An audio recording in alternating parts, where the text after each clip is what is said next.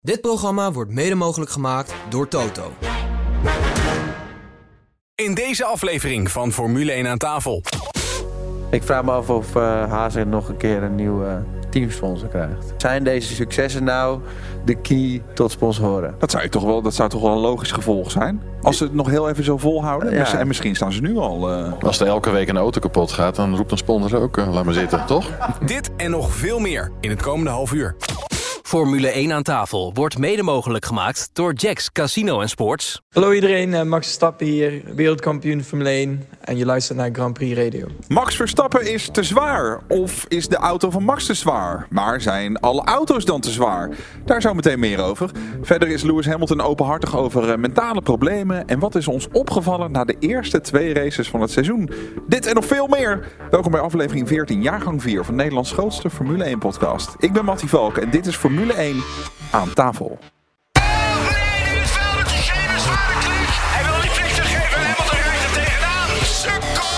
Ze staan helemaal vast. Yo hey, yo ho. De koning van Zandvoort heet Max Verstappen.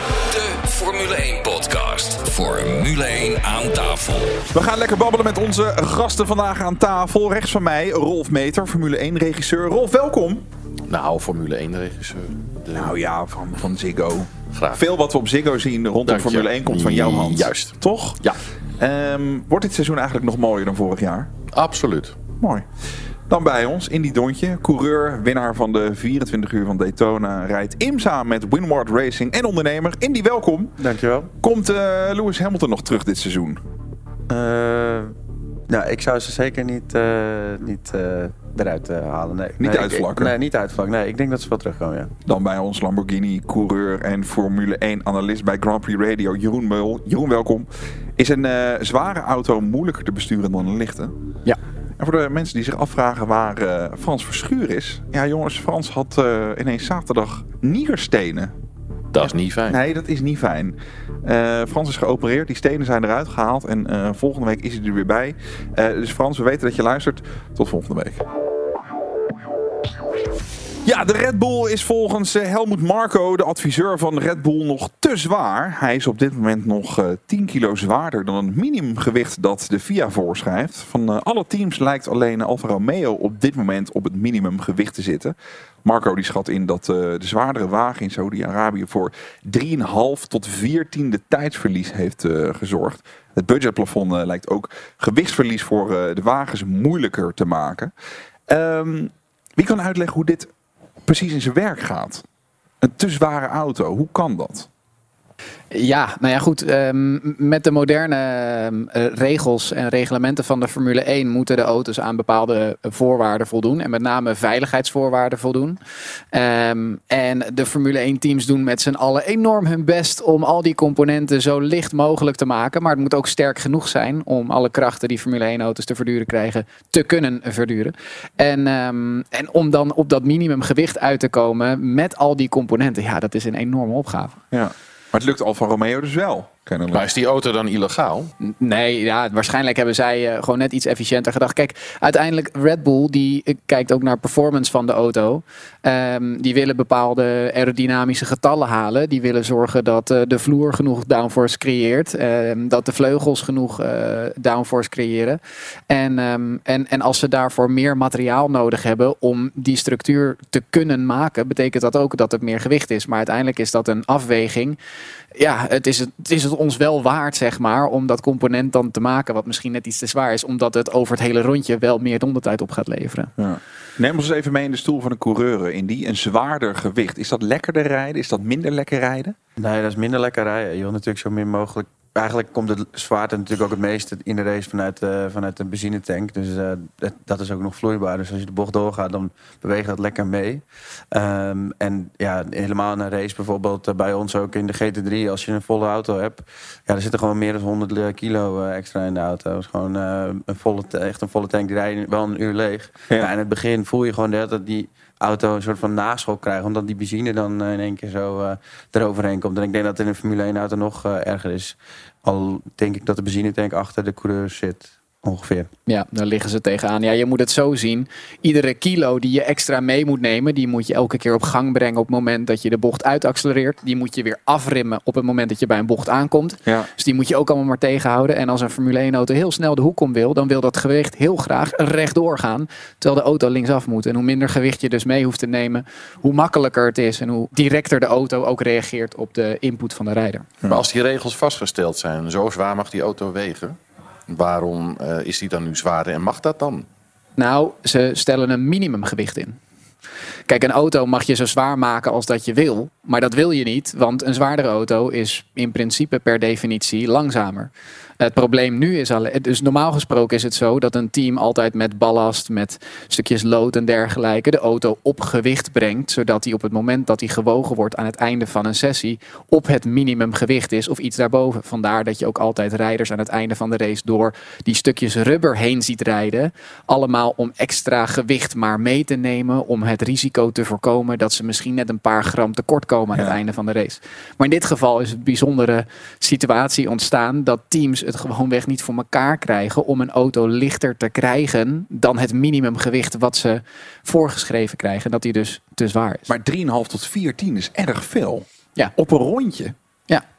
Dus daar valt nog heel veel winst te behalen. Ja, absoluut. Ja. Absoluut. Dat is, echt, dat is echt een tijdwinst hoor. Als je gewoon zo licht mogelijk kan rijden. Ze hebben nu eigenlijk een soort van 10 kilo strafgewicht eh, in de auto. Zo moet je het eigenlijk zien. Ja. Ik vraag me alleen nou wel waar het in eh, zou kunnen zitten. Maar ze hebben natuurlijk bepaalde dimensies waar ze aan moeten voldoen met de vleugels. Die, die moeten natuurlijk bepaalde groottes hebben.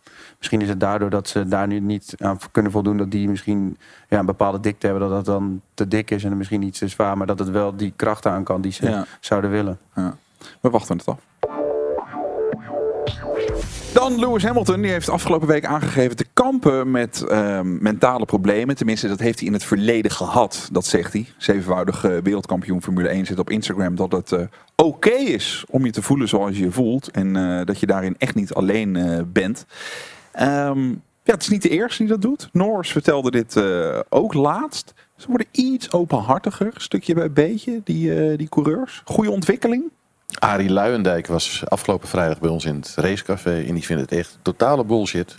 Ze worden goed betaald. Ze moeten hun mond houden en gewoon autoracen. En onderschrijf jij dat, Rolf? Dat vind ik heel moeilijk. Ik denk dat eh, als hij problemen heeft, dan zal hij daar toch mee moeten omgaan. En eh, daar een, een signaal afgeven van misschien kan ik niet meer. Of misschien wil ik het ook niet meer. Ik heb het gevoel dat hij niet in zijn beste periode zit nu. Nee. Maar ik heb niet het idee dat het daar per se alleen over gaat. Over de periode van nu. Eh, want Norris vertelde het ook laatst. Dat hij toch wel ja, op, op structurele basis de kampen heeft gehad met mentale problemen. Vanwege druk, vanwege niet lekker in je vel zitten. Eh, en daar pakken ze een soort van voorbeeldrol. Zo van, ja, weet, weet dat je niet alleen bent. Ik denk dat het, het is een beetje, ook in de tijd van nu, dat, dat mensen daar veel meer open over praten. En als het je helpt, vind ik het helemaal prima. En is het alleen maar goed dat je helpt. Ik denk dat die problemen er altijd wel geweest zijn. Maar dat het gewoon minder naar buiten gebracht werd. En dat is een... Bij topsporters sowieso, denk bij- je? Ja, Ja. denk ik wel. Ik bedoel, ik geloof niet dat de druk nu hoger is dan anders. Lewis kan misschien voor zichzelf de druk nu hoger ervaren dan hij de afgelopen zeven jaar, acht jaar gedaan heeft. Omdat hij het toch tussen aanhalingstekens makkelijk gehad heeft. En in één keer de afgelopen, nou, het afgelopen jaar ja. en twee jaar tegenslagen te verwerken heeft gehad. Die hij al heel lang niet gehad heeft. Ja. Dus kijk, het kan zijn dat hij het nu meer ervaart. Ehm, maar dat zullen andere rijders ook ongetwijfeld hebben. En het is denk ik nu puur de trend dat je daar meer over naar buiten treedt.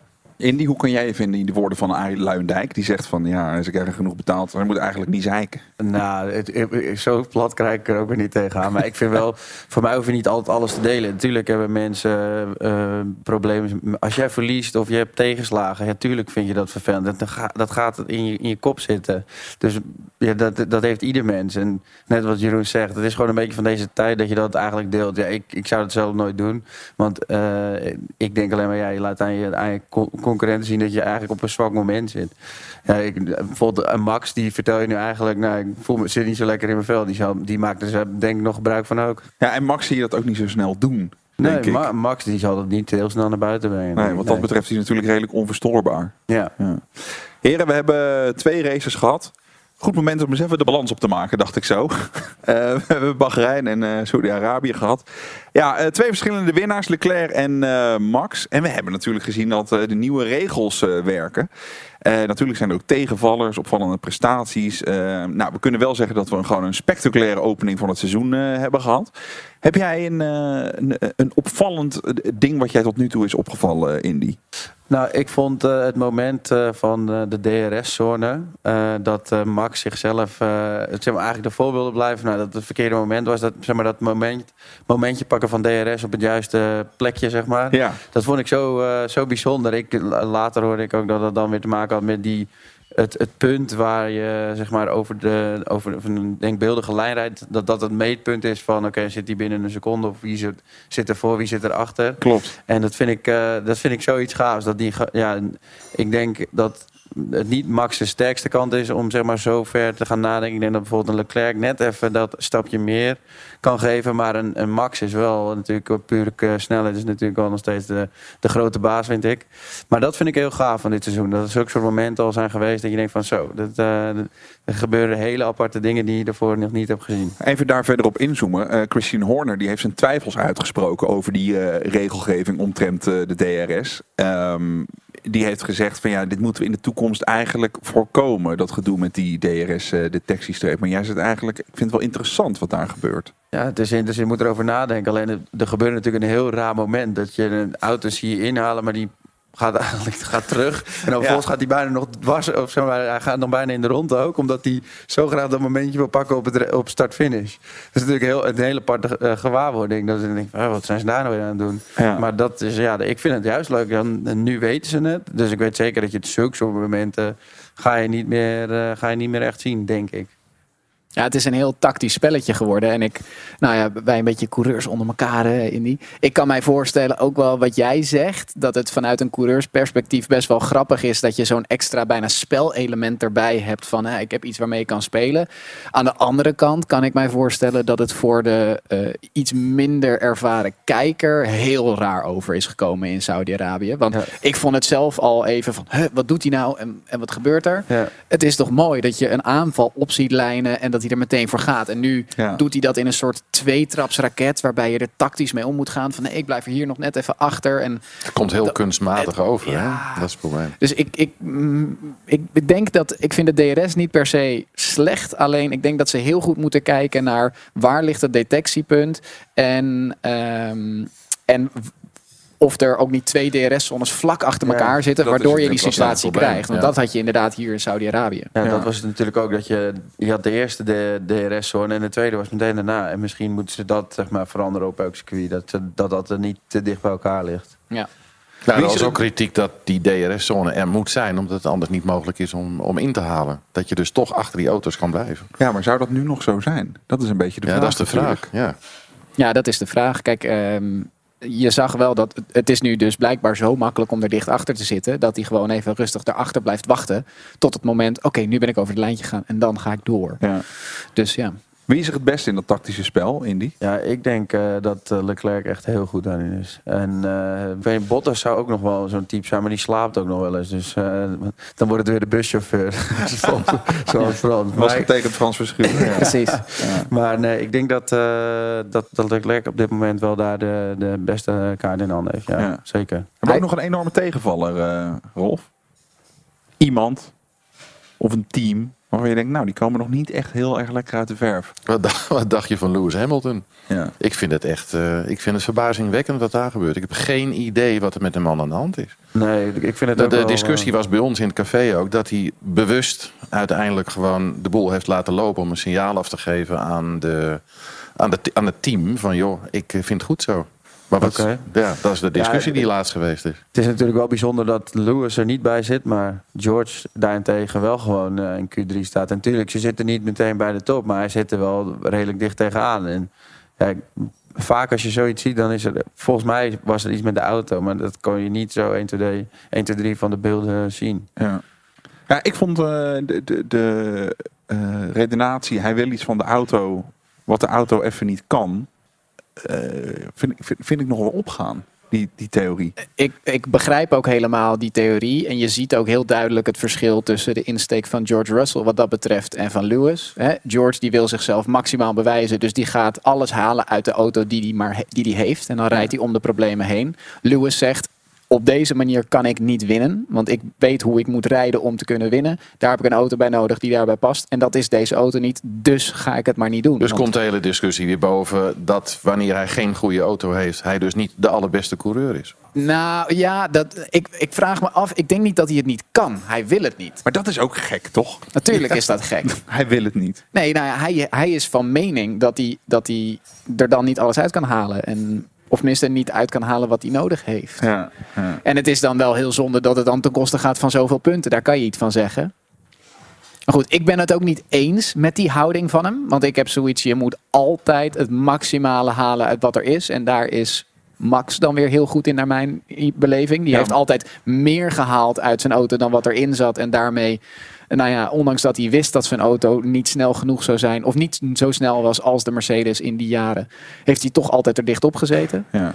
En Lewis die geeft het gewoon op bijna. Want we schetsen nu een beetje dat Lewis zeg maar, met zijn armen over elkaar in de hoek is gaan zitten als een klein kind. Van, ik wil niet Ja. meer met mijn speelgoed. Ja. Maar wat, naast Mercedes vond ik, me- vind ik McLaren heel zorgwekkend. Ja. Ja, ja. En doodzonde. Ja, vind ik ook doodzonde. Echt jammer. Ik had ook graag gezien dat die er gewoon wat meer bij zitten. Maar is, heeft het dan echt te maken dat ze vorig jaar eh, nou, niet, het, zeg maar niet zoals andere teams gefocust hebben op dit jaar. En dat ze echt alles hebben in vorig jaar hebben gestopt. En dat daardoor de auto zo slecht is. En dat Kan was andersom bij Ferrari. Vorig jaar hebben ze het laten lopen Ja. om nu uiteindelijk te kunnen presteren. Is dat dan echt zo, is dat dan zo eh, zichtbaar, zeg maar? Want dan, dan betekent dus eigenlijk dat die gasten er niks van kunnen. Of zijn er mensen weggelopen bij McLaren? Ja, ik vind het een hele interessante stelling, Indy. ja, Ik vind het een hele interessante stelling. Want vorig jaar konden ze het ook. En als diezelfde groep mensen er zitten, zou je toch zeggen dat ze met nieuwe reglementen het ook alweer op een gegeven moment kunnen verzinnen. Zou je wel zeggen, ja. Toch? Ja, tuurlijk. Ze kunnen misschien, als ze de focus meer hadden eerder eh, in vorig jaar, dat het misschien beter was in het begin. Maar het is echt zo van, ze waren nou, een beetje daar altijd wel in de top 10 te vinden. Naar, nou, welkom bij Williams. Ja, je kan je ook afvragen, is, is eh, Ricciardo ooit eh, tot bloei gekomen tot nu toe bij, eh, bij McLaren? nee, die valt me echt zwaar tegen daar. Echt zwaar tegen. Ja, vind ik wel echt... Het wordt alleen maar erger ook. Ja, ja, het wordt er echt niet beter op. Nee. Hij heeft het ook wel echt zwaar. Daar. Hij heeft het niet makkelijk. nee. Ik kwam hem, nou ja, dit klinkt heel eh, raar, maar ik, ik sprak hem toevallig heel kort even na de Grand Prix in Abu Dhabi. Hier moet je meer over uitleggen. Ja, nou ja, goed. Hij, ik was bij de Grand Prix in Abu Dhabi en ik sliep in hetzelfde hotel. En toen stonden we, toevallig kwamen we elkaar tegen. En sprak ik hem heel kort. En Bij het buffet, ochtendbuffet. Ja, ja, zoiets ja, ja. ongeveer. En, en hij zei toen ook echt van dat hij, dat hij echt blij was dat het seizoen voorbij was. En hij was echt moe. Moe. Hij was echt moe. Ja. En ehm, ik hoop alleen maar dat ze terugkomen. Maar mentaal ook moe. Dus dat is dan ongeveer de derde die nu eh, meldt dat hij zich niet helemaal lekker voelt.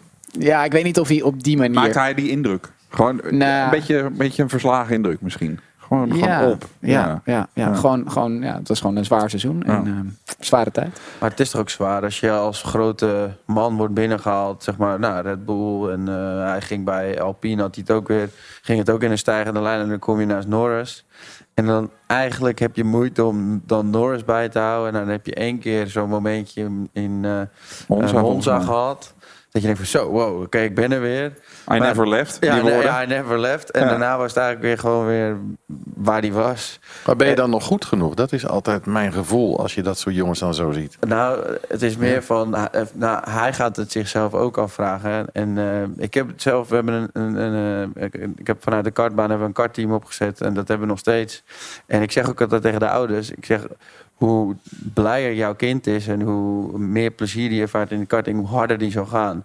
Dat, dat, dat, dat is ook gewoon tijd. Er hoeft, niet, er hoeft de auto niet voor worden afgesteld. Is hetzelfde met Ricciardo, die zit in die flow van, ja, ben ik wel goed genoeg? En dan gaat dat gaat dan een keer met macht 3, ga je ook nog eens wat langzamer. Dus dat, Ja. ja, heeft, dat heeft, stapelt allemaal op. Zometeen in eh, F1 aan tafel een vraag van eh, Henry Wolbrink, vaste luisteraar voor ons, over eh, DRS en GPS. Binnengekomen via F1 aan tafel, het grandprixradio.nl. Helmut Marco die heeft zich nadrukkelijk uitgelaten over Pierre Gasly. En je maakt kans op gratis tanken in Raad het Autogeluid. Tot zo. Stap overal in de wereld van checks.nl. Check out, check in. Ontdek alle casinospellen en sportweddenschappen op checks.nl. Jacks Casino en Sports. You're welcome. Wat kost gokken jou? Stop op tijd 18+. Plus. Bij GP Ticket vlieg je met een privé chartervliegtuig naar de Grand Prix van Monza in september.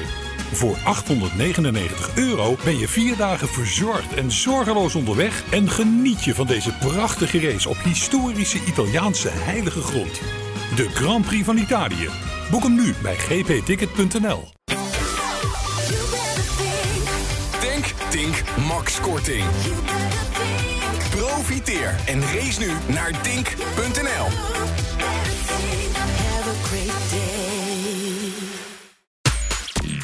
Formule 1 aan tafel wordt mede mogelijk gemaakt door Jacks Casino Sports. Je luistert Formule 1 aan tafel. Dit is de grootste Formule 1 podcast van Nederland. Straks maak je dus kans op gratis tanken. Maar eerst een vraag die is binnengekomen van luisteraar Henry Wolbrink op F1 aan tafel grandprixradio.nl. Die zegt, heren, behalve DRS zien we ook erg vaak hoe groot de invloed van de virtual safety car en safety car situaties zijn op de raceuitslag.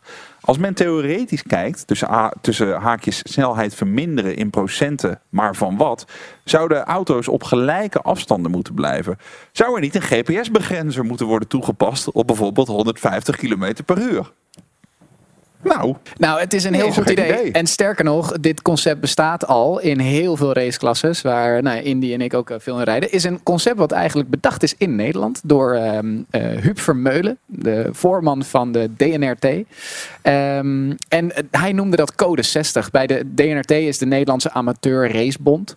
Ehm, en bij die kampioenschappen die hij organiseerde, had hij code 60 in plaats van een safety car. Code 60 op het moment dat die vlag uithing, iedereen 60 km per uur rijden. En eh, dat is gewoon de regel. En dat concept is nu ook overgedragen naar ehm, meerdere internationale GT-kampioenschappen, lange afstandswedstrijden en dergelijke. En dat werkt perfect. Ik denk dat de reden is waarom Formule 1 dit nog niet heeft, of niet en nog niet, is dan nog even de vraag, niet introduceert om ervoor te zorgen dat die Formule 1-auto's toch iets meer kunnen, ehm, iets actiever hun temperatuur kunnen houden in de, in de banden, in de remmen en dergelijke. Maar ze nog een beetje speelruimte hebben. ja, precies. Maar goed, het, Eh, het maakt het wel een beetje klaagde toch van de week eh, in, in de laatste race dat de safety car te langzaam reed. Ja. Dat doen ze altijd volgens mij. Hè? Ja. Ja, altijd maar die safety het, car het, rijdt snel, die door. het snelheidsverschil tussen een safety car op volle snelheid en een Formule 1 auto op volle snelheid is zo enorm groot. Ja. Dat als een safety car inderdaad eh, een beetje doortrapt, dan is dat voor een Formule 1 auto alsof hij door de pitstraat rijdt. Zit je in zijn één. Ja. Ja, je hebt bij eh, de Europese kampioens van de GT3 waar we rijden, dat is, eh, daar heb je full course yellow.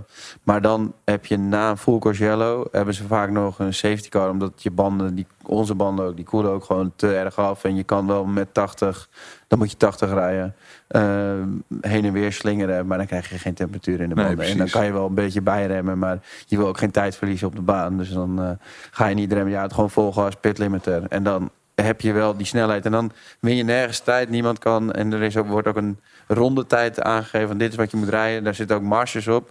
Speel je te snel, dan moet je de volgende ronde zoveel langzamer zijn. Er zitten, dus het is, het is best wel dat is hartstikke makkelijk. Ik snapte ook echt niet in, in, eh, in Jeddah wat er nou allemaal gebeurde met, eh, met die Yellow. En dan zag ik het gat kleiner worden, zag ik weer groter worden. Ik denk, hoe wordt dit Ja.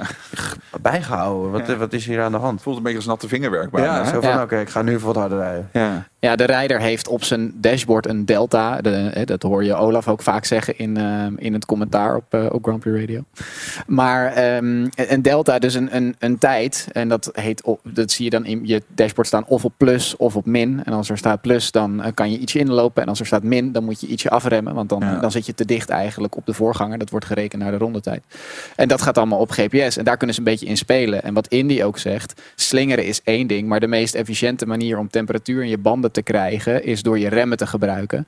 En de Ja. band van binnenuit door een hele hete gloeiende remschijf... via de velg de band op te warmen in zijn geheel. En als je 80 moet rijden of 100 moet rijden of 150 moet rijden... constant, ja, dan, en je wil niet afstand verliezen... Je kan nooit inlopen, je mag nooit harder dan 150. Dus als je dan gaat remmen eh, om temperatuur te maken, ja, dan verlies je alleen maar tijd. Dus die 60 zou dan niet op dit moment helpen om dat in te gaan stellen. Want dat is te langzaam. 60 is sowieso te langzaam voor een Ja. Formule 1 auto. Dan, dan, eh, dan valt hij bijna uit, denk ik. Maar ehm, ehm, het, het, is, het is een, dat is de reden waarom Formule 1 dit concept niet gebruikt. Nee, precies. Maar het is in de basis geen gek idee. Het is een briljant Dus, idee en ja. het zal ongetwijfeld veel beter werken. Ja, het enige is, het is gewoon niet, niet haalbaar. Heb je ook een eh, vraag en je hoort het, we beantwoorden hem uitgebreid. Eh, stuur die dan naar F1 aan tafel at grandprixradio.nl. Dan heeft Helmut Marko nog aangegeven dat Pierre Gasly niet te behouden is als er geen zitje vrijkomt bij eh, Red Bull Racing. Coureur, nu bij Alfa Tauri, heeft een contract tot en met 2023, dus eh, tot en met volgend seizoen. Maar is volgens eh, de adviseur toe aan een nieuwe stap. Ja, indien Perez dus nog in eh, 2024 bij Red Bull rijdt, zal Gasly waarschijnlijk vertrekken. Hoe doet Gasly het eigenlijk? Zo, die is me helemaal niet opgevallen. Maar, eh, Dat is ook een antwoord. Ja, maar hij zit er wel volgens mij hij zit er wel elke keer goed bij, eh, heb ik het idee. En eh, de Alfa doet het echt niet slecht op het moment. Alleen ze hadden wel weer pech. Ja, enorm veel pech. Ja. Ja. Toch? En eh, dat zo'n Tsunoda vind ik zo, eh, dat is echt lullig. Ja. Zo'n jongen kan, eh, ik vind, ik vind hem, soms kan hij echt verrassen. Een, een leuke, leuke ja, rijder in het veld. Nou, voordat hij de Formule 1 inkwam, waren de verwachtingen hoog gespannen. Dat was een van, eh, van die jongens waarvan heel veel verwacht werd. Ja, dat vind ik dat, dat- ja, dat, dat zou kunnen, maar ik, ik vind, dat vind ik niet. Maar hij Nee. doet soms leuke dingen. Heb je Drive to Survive gezien dit jaar? Nou, daar was ik dus mee begonnen twee weken terug. En ik ben inmiddels bij aflevering 4. Maar het, ja, het, het pakt me niet dit jaar. En ik vind het echt... eh, ik zit nu in aflevering 4 en dat is nog niet benoemd. Maar ik heb gehoord dat het ook over de relatie gaat tussen... En Tsunoda kan dat of zo? Nou, ik vond het. Ik weet niet of jullie het gezien hebben allemaal. Nog niet helemaal. Oh, nou ja, spoiler alert. Maar het Ah, is. kom eh, maar. eh, er, er, er wordt best wel ingezoomd op Tsunoda. En op de manier waarop hij eh, is opgenomen in het team. De manier waarop Frans Toos met hem omgegaan is. En hem op een gegeven moment ook echt opgepakt heeft. En gezegd: Je komt nu. Hij woonde in, eh, in Engeland bij, de, ehm, ehm, hè, bij, bij Red Bull in, in dat, in dat hoekje.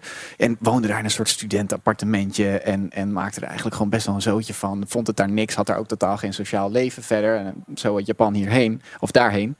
En, ehm, eh, en had geen structuur. En toen heeft Frans Toost heeft hem meegenomen. En die heeft gezegd: Je komt in Italië wonen, in Faenza, bij het team.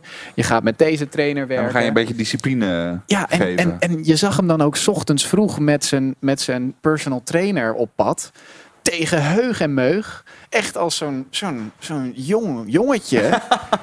die op een soort strafkamp werd geschopt. Van nou, kom op jongen, vroeg uit je bed. Hup, een beetje actie erin. Oh, te gek. Ja, heel interessant om te Oh. zien. En, en nou ja, weer zo'n zo'n aparte dynamiek. Rolf, jij bent eh, regisseur. Wat vind jij van Drive to Survive? Gewoon in, Eh, in beelden. Kijk, inhoudelijk valt er eh, genoeg over te discussiëren. Qua beelden natuurlijk. hebben ze het fantastisch gedaan. Het Het ziet ziet er er waanzinnig uit, toch? audio, eh camera standpunten, de Ja. manier waarop ze het monteren. Alleen, Heb ik kijk er dit idee- jaar toch anders naar, omdat al die kritiek er is.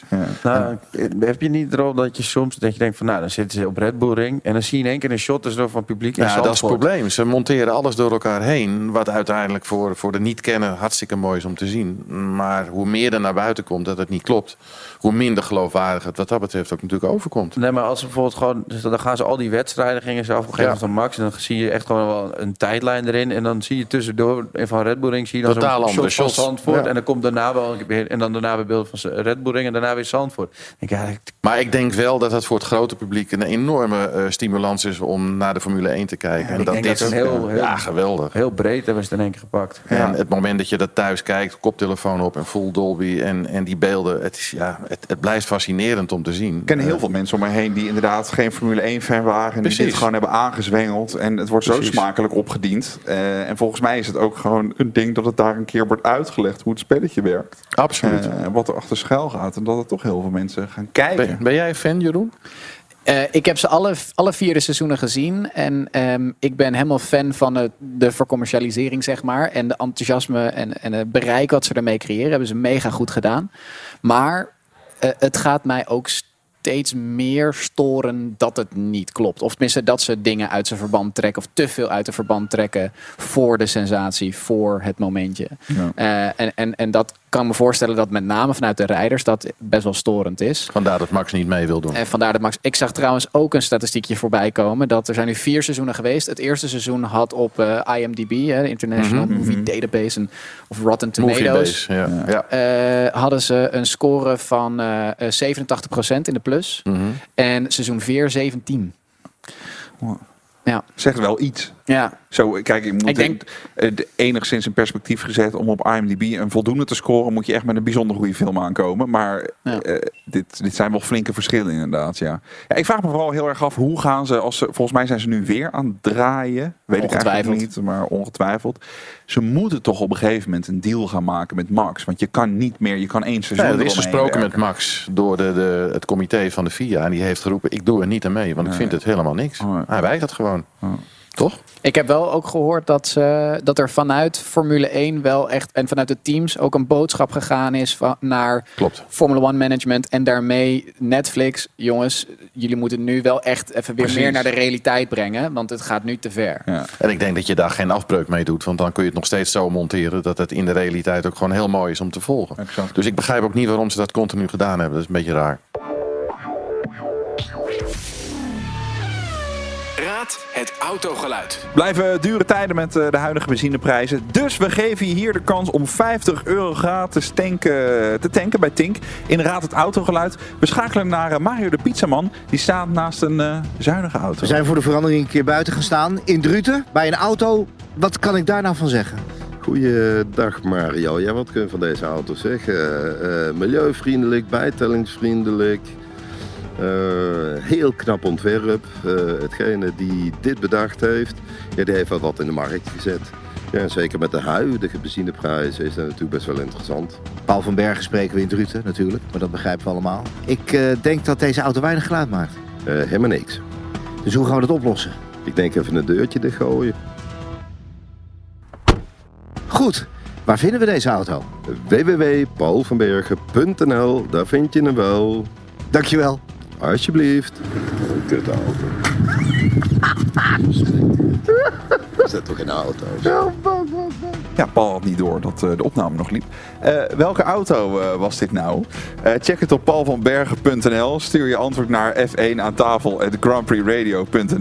De winnaar van vorige week is Huub Waldes. En het geluid was dat van een Mercedes E400. Gefeliciteerd en veel rijplezier met je gratis brandstof.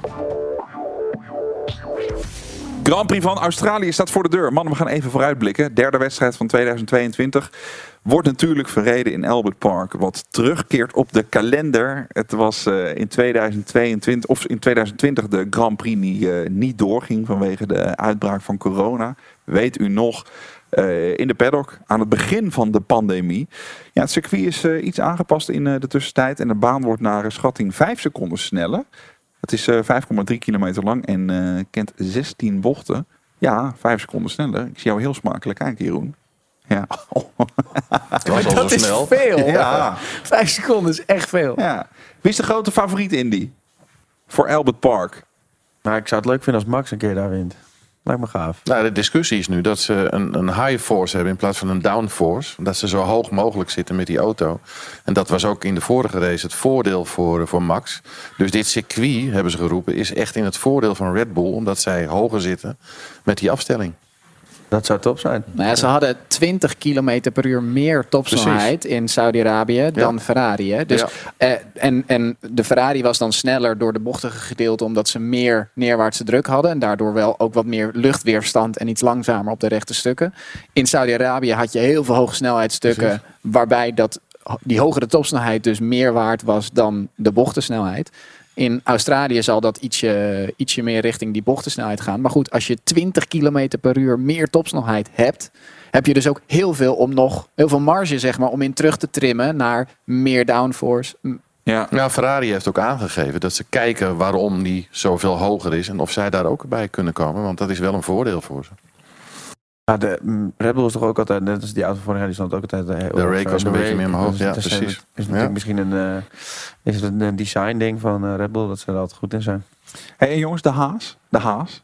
Iedereen had het eh, na de eerste race over de Haas. Magnussen is natuurlijk fantastisch. Wat een verhaal, toch? Ja.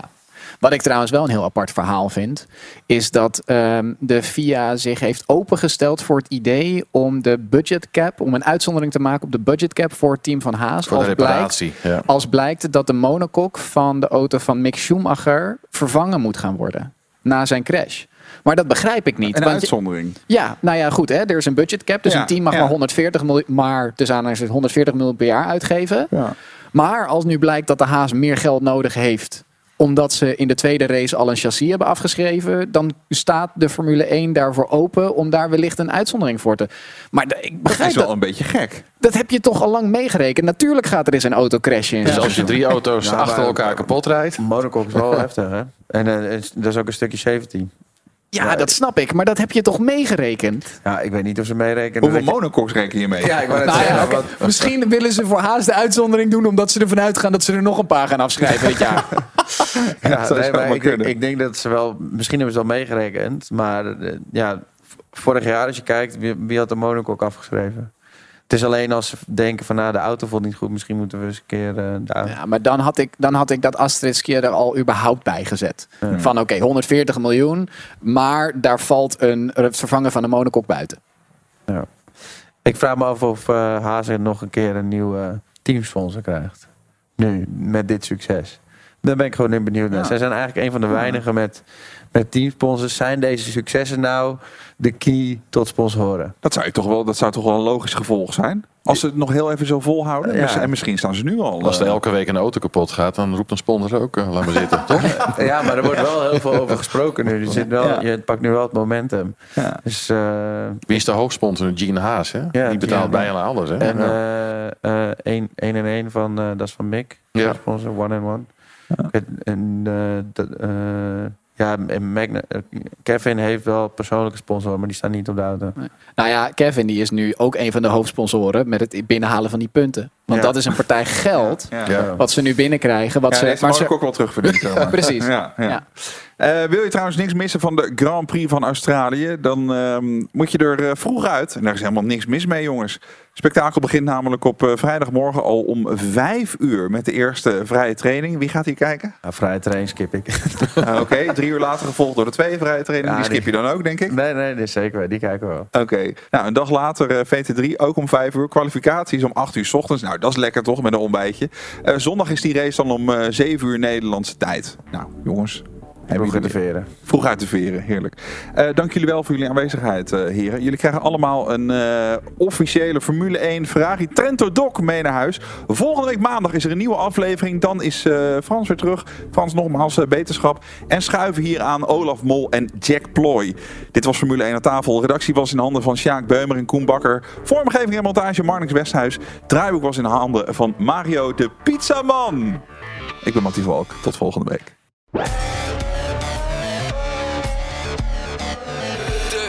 Formule 1 podcast. Formule 1 aan tafel. Wat zei je nou, Indy? Wat kreeg je bij Nee, Ziggo? een hele hoop lekkere koekjes, toch? Ja, ik- we kregen cookies. Daar kan de hospitality iets beter, wil je zeggen. Ja, een klein beetje. Ja, oké. ja dat, dat komt door al het lekkers wat hier op tafel staat. Dit is wel heel uitzonderlijk, ook hier in de Harbor Club. Eh, Tim, wat heb je op tafel gezet? Nou, we hebben van links naar rechts eh guaubao, een gestoomd broodje gevuld met eh Koreaans gefrituurde kip. Daarnaast een tuna taco. Daarnaast een eh gyoza met kip. Ja. En als laatste de salmon torch maki roll. Nou, heerlijk, dankjewel. Het is allemaal voor Indy. Wij gaan er zelf nog iets bestellen. Lekker, dankjewel. hey, maar eh, wat bijzonder, Jeroen, dat je Ricciardo dan tegen het lijf loopt. ja. Wie, wie begint er dan een gesprek? Of hoe, eh, hoe gaat dat dan? Ik zei net, ja, ik kwam de Ricciardo tegen. Ja. Nee, ja, ja. Moet ik hier nou echt over gaan uitweiden? Nee, Ik- ik- absoluut. oh, absoluut. Nou, ik, ik, ik, Het is ik de had- bonus, misschien zijn mensen al lang weg. dat is het. Nee, een, eh, een, een, we hebben een gemeenschappelijke vriend. Mhm. Laten we het daarover hebben. En ik was met hem mee. Die was bij de Grand Prix. En ehm, eh, ik kon met hem mee en sliep in dat hotel. En Ja. hij kwam Ricciardo tegen bij het, eh, bij het ontbijt inderdaad op maandagochtend. Ja. Nou ja, rond een uur of maandag. Een beetje maandagmiddag was het inmiddels. Want we hadden eh, natuurlijk Max overwinning wel gevierd. Maar ehm, Voor de rest kan je niks zeggen. ja, ja, goed. Nee. Wie is de grootste ster die jij ooit ontmoet, ontmoet hebt, eh, Rolf? Eh, Roger Moore. Zo? Nee hoor. nee, eh, ja, die, daar heb ik ooit een programma meegemaakt in Duitsland. Ongelooflijk bijzondere, leuke, open man. Ja. Ja, in de tijd dat hij nog vol in, in de James Bond film zat. Hij presenteerde daar een UNICEF gala. En dat is een van de mooiste momenten die ik meegemaakt heb in mijn leven met deze man. Heb jij dan nog een, eh, een handtekening gevraagd? Zeg je dat gaat Nee, mijn regieassistenten, maar die heb ik daarna gekopieerd. Heel goed. Formule 1 aan tafel wordt mede mogelijk gemaakt door Jacks Casino en Sports. Let op.